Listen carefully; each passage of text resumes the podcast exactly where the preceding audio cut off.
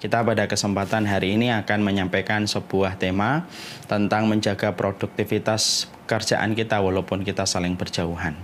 Oleh karenanya sebelum kita membahas tentang tema itu, saya ingin menampilkan sebuah video di mana video ini bisa menjadi perwakilan narasi sebelum nanti kita membahas tema supaya kita lebih memahami dan lebih mudah untuk mengerti tentang apa yang kita sampaikan terutama untuk saya dan terutama untuk keluarga saya yaitu para sahabat saya di Pertamina Geothermal Lampung. Silakan diputar dulu. Pak, boleh nggak saya lihat kamar Bapak? Ini rumah Bapak nih ya? Boleh. Saudara, saya akan masuk ke rumah mereka di bawah pipa ini. Saya akan cari tahu apa yang ada di bawah sini dan bagaimana mereka tidur. Ini Pak, Oh ini pagar rumah ini? Iya. oh. Saya duluan buka Bapak. Oke, silakan Pak. Misi ya Pak ya? Ayo mari Pak, mari Pak. Merunuk nanti kejedot kepalanya. Iya, iya, terima kasih. Cukup sulit untuk masuk. Ya.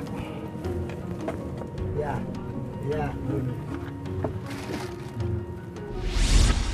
Dan inilah saudara rumah dari Pak Darmanto. Betul ya Pak?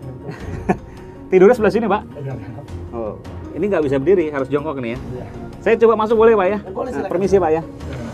Merunuk lagi Pak. Nah, sini kan lega Pak. Ada. Oh, ada yang lepas. Ya. Ya. Di sini jadi Bapak sehari-hari tidur. Eh, tidur di situ. Kepala di sana, kaki di sini. Iya. Nah. Oke, Pak. Udah, Pak satu satu ini, Pak ya? Satu badan ini, Pak. Satu badan. Asal satu badan. Ya. Tapi ada listrik sini, Pak. Hah? Ada listrik. Ada listrik. Pakai kipas angin terus ini, Pak. Mm-mm. Nggak panas. Kalau kalau ini panas kalau nggak pakai kipas. Nah, jadi nggak bisa ini hanya satu orang sini ya.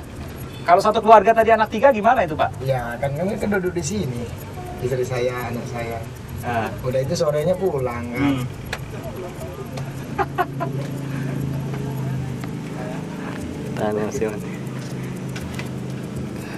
Oke.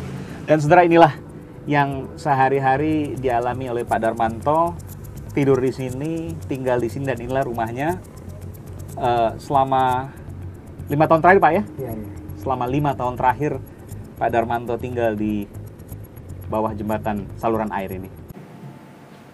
Ya. Rekan-rekan dan sahabat di Pertamina Geothermal, video yang tadi baru saja kita saksikan hanyalah mewakili perasaan dan hanyalah mewakili narasi yang ingin kita berikan untuk diri kita sebagai pencerahan dan nasihat. Video tadi menampilkan tentang sosok bernama Pak Darmanto atau Pak Darwanto yang sebenarnya rumahnya bukan hanya bedengan, rumahnya bukan hanya di bawah jembatan. Tapi rumahnya itu di samping jembatan ada pipa besar, lalu dia bangun beberapa kayu di bawahnya, lalu dia tinggal di situ.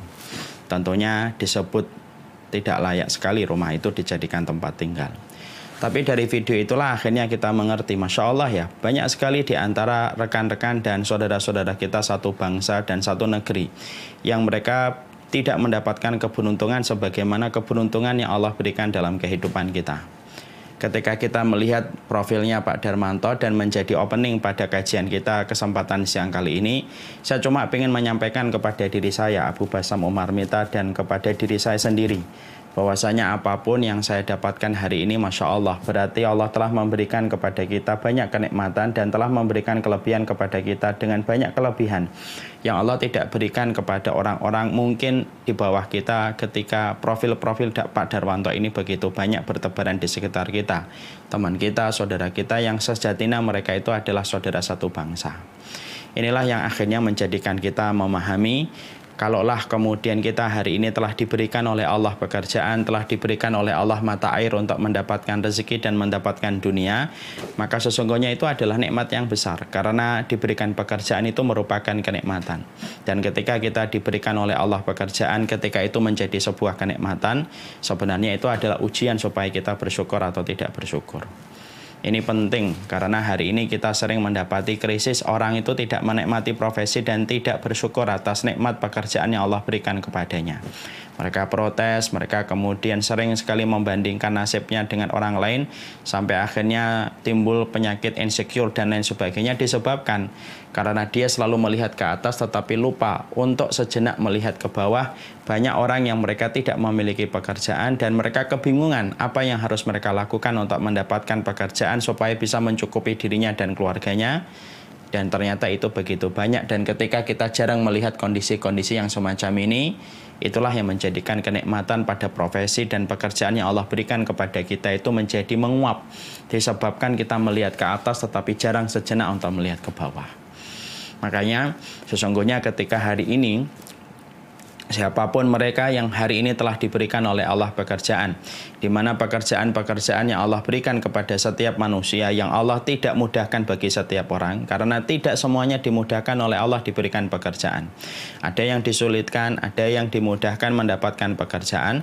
Orang yang mendapatkan pekerjaan ada yang pengeluarannya lebih besar daripada pemasukannya. Ada orang yang di mana mendapatkan pekerjaan pendapatannya sama dengan pengeluaran yang dia miliki tetapi banyak juga orang yang diberikan kenikmatan oleh Allah di dalam pekerjaan di mana pemasukan dia lebih besar daripada pengeluaran maka itu merupakan bagian dari nikmat yang saya khawatir kalau kita tidak memahami itu adalah nikmat maka itulah yang menjadikan konsep lapangnya hati kita menjadi sempit ketika kita tidak mampu menikmati apa yang Allah sudah berikan dalam pekerjaan yang Allah pilihkan untuk kita. Nah inilah yang menjadikan kita faham Wallahi demi Allah diberikan pekerjaan itu merupakan sebuah kenikmatan di mana ratusan ribu orang hari ini tidak punya rumah di mana ratusan bahkan jutaan orang mereka bekerja di bawah garis kemiskinan ketika pengeluaran mereka lebih besar daripada pemasukan mereka. Dan kita mulai kajian kita. Siapa pun hari ini yang sudah diberikan pekerjaan sampai pemasukan yang dia dapatkan lebih besar daripada pengeluaran harian dan bulanan yang dia miliki sungguh itu merupakan bagian dari nikmat dan nikmat itu bersifat ujian kepada kita. Apakah kamu sudah bersyukur ataukah belum terhadap nikmat yang sudah diberikan ini?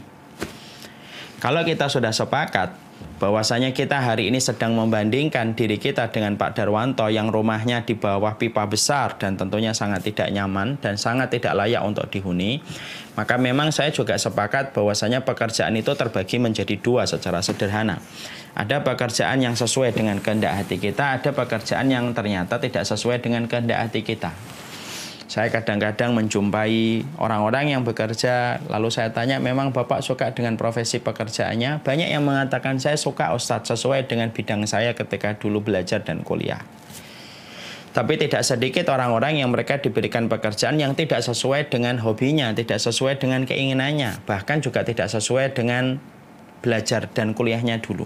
Tapi dia tetap bertahan di situ karena dia ingat kewajiban dia untuk mencukupi keluarga. Masya Allah.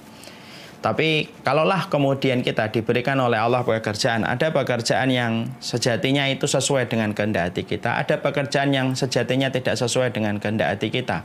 Ada orang yang harus pergi ke tengah lautan beberapa hari, bahkan beberapa pekan, baru dia bisa pulang.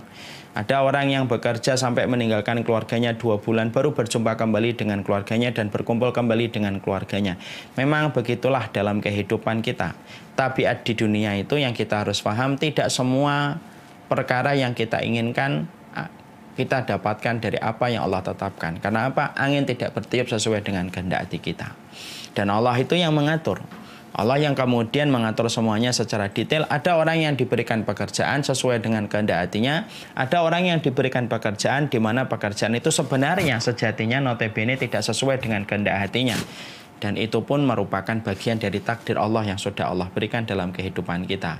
Dan kita tetap harus memaknai bahwasanya itu merupakan bagian dari takdir yang sudah Allah berikan pada kehidupan kita.